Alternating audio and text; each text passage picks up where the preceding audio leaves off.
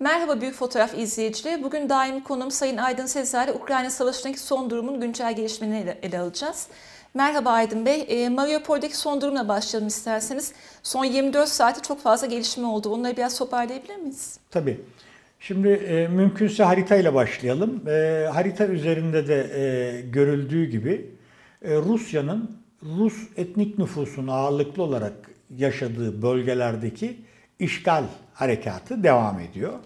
E, bu büyük ölçüde de tamamlanmış durumda. Ama dediğiniz gibi Mariupol'da e, Azov taburlarının bir demir çelik fabrikasında sıkıştırılması ve onlara teslim ol çağrısı yapıldığını biliyoruz. E, buna olumlu yanıt verilmediği için de e, her an o bölgede e, yoğun bir çatışma bekleniyor. Bu konuda Zelenski hassasiyetini belirtti. E, bu birliklere yönelik bir imha hareketi müzakerelerin sonu olabilir dedi.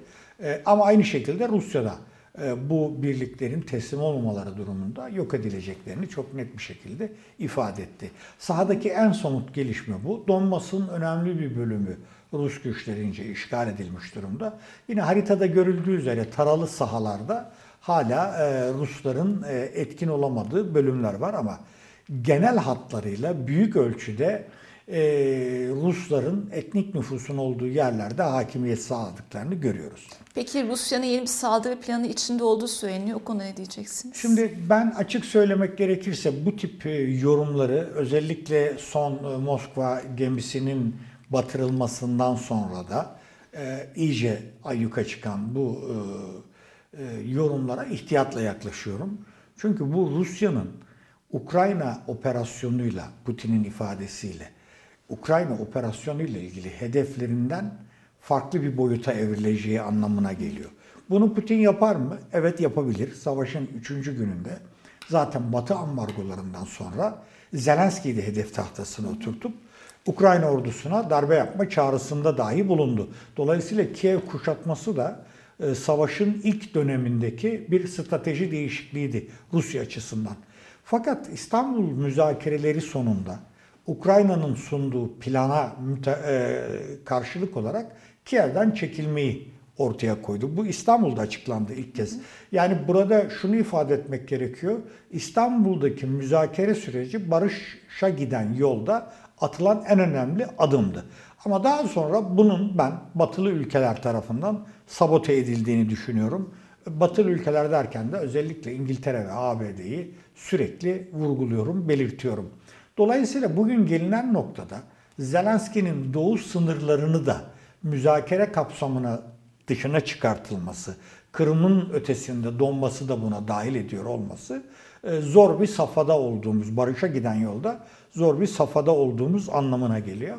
Batı özellikle de Avrupa, Avrupa Birliği e, yetkilileri, Alman parlamenterler, mesela Yeşiller, Yeşillerden Cem Özdemir, yaptıkları açıklamalarda Ukrayna'ya yönelik askeri yardımların artırılması çağrısında bulunuyorlar.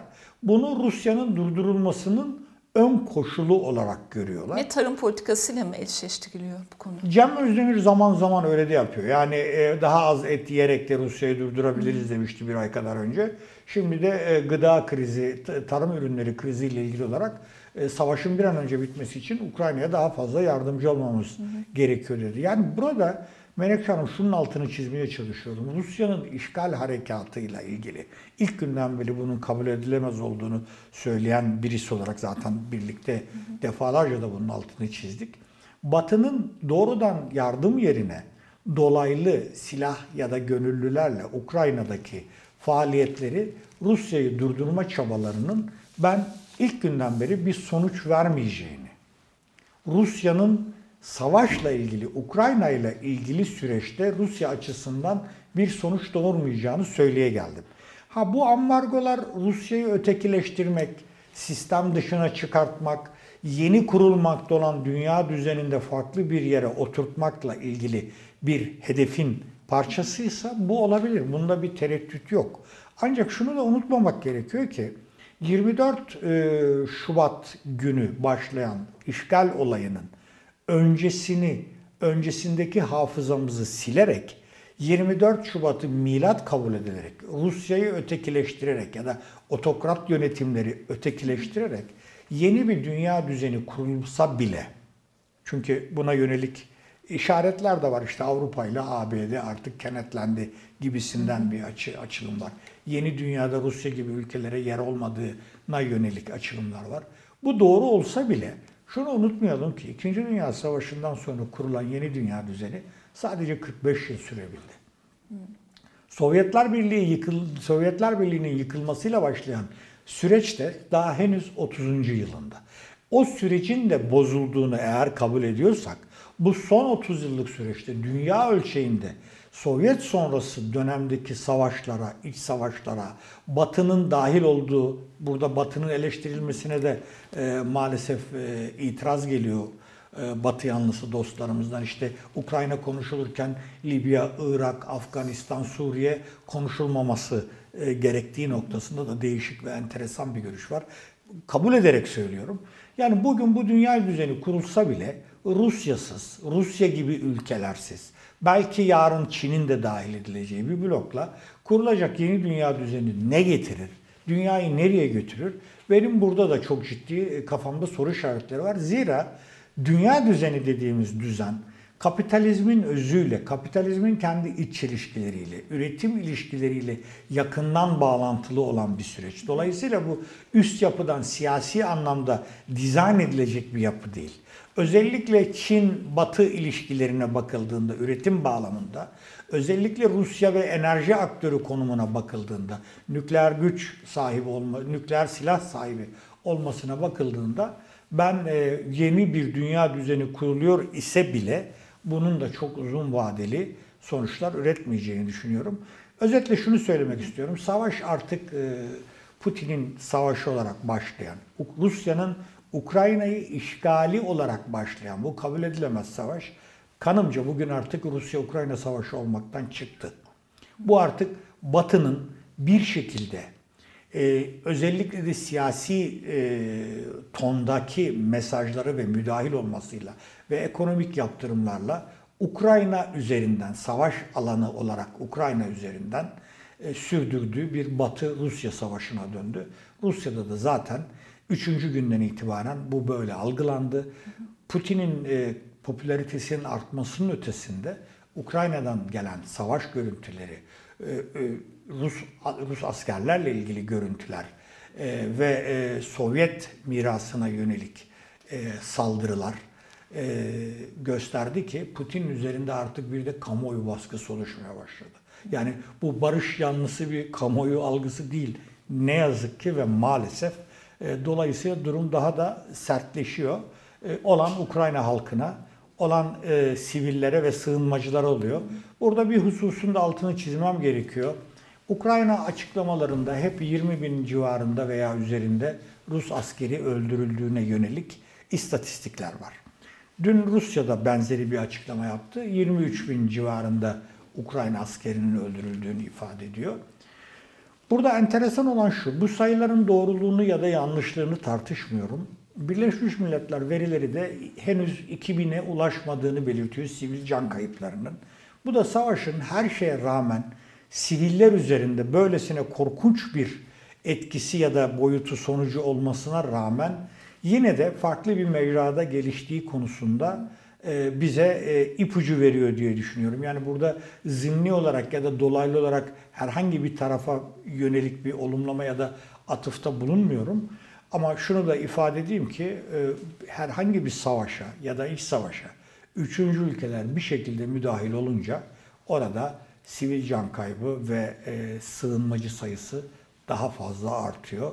Dolayısıyla Batı bu ambargolarla Rusya'yı yine ötekileştirmeyi başarabilirdi savaşı kızıştırmak ya da savaşa yönelik böyle bir aktivitenin ben Ukrayna'ya, Zelenski'ye, Ukrayna halkına açık söylemek gerekirse bir yararı olduğunu düşünmüyorum. Hatta daha da ileri gidiyorum. Bilinçli olarak bu kelimeyi kullanacağım. Kullanılmakta olduklarını düşünüyorum. Dün de bir de Ursula von der Leyen, AB Komisyonu Başkanı bir açıklama yaptı. O ilginç bir açıklamaydı. Ağır ve hafif silahlar arasında ayrım yapmadığını söyledi. Ve Ukrayna'nın kendi savunması için ihtiyaç duyduğu ve kullanabileceği şeyleri alması gerekiyor dedi. Bu hafta ciddi bir sevkiyat olur mu Avrupa Birliği ülkelerinden? Şimdi Çünkü Borrell de o yönde bir çağrıda bulunmuş. Ülkelerin e, perspektifleri daha farklı. Tekil bazda gerçekleşiyor. Hı hı. Olabilir. Burada e, sorunuza net olarak olabileceği yönünde bir yanıt vereyim. Ancak Borrell daha önce yanılmıyorsam bir hafta kadar önce Rusya'yı eleştirirken ikinci Suriye yaratmak istiyor Ukrayna'da gibi bir talihsiz cümle kullandı. Bu Borrell'in sosyalist kimliğinin ötesinde Avrupa Birliği'ndeki önemli pozisyonuna yanılmıyorsam dış ilişkilerden sonra Güvenlik Komisyonu.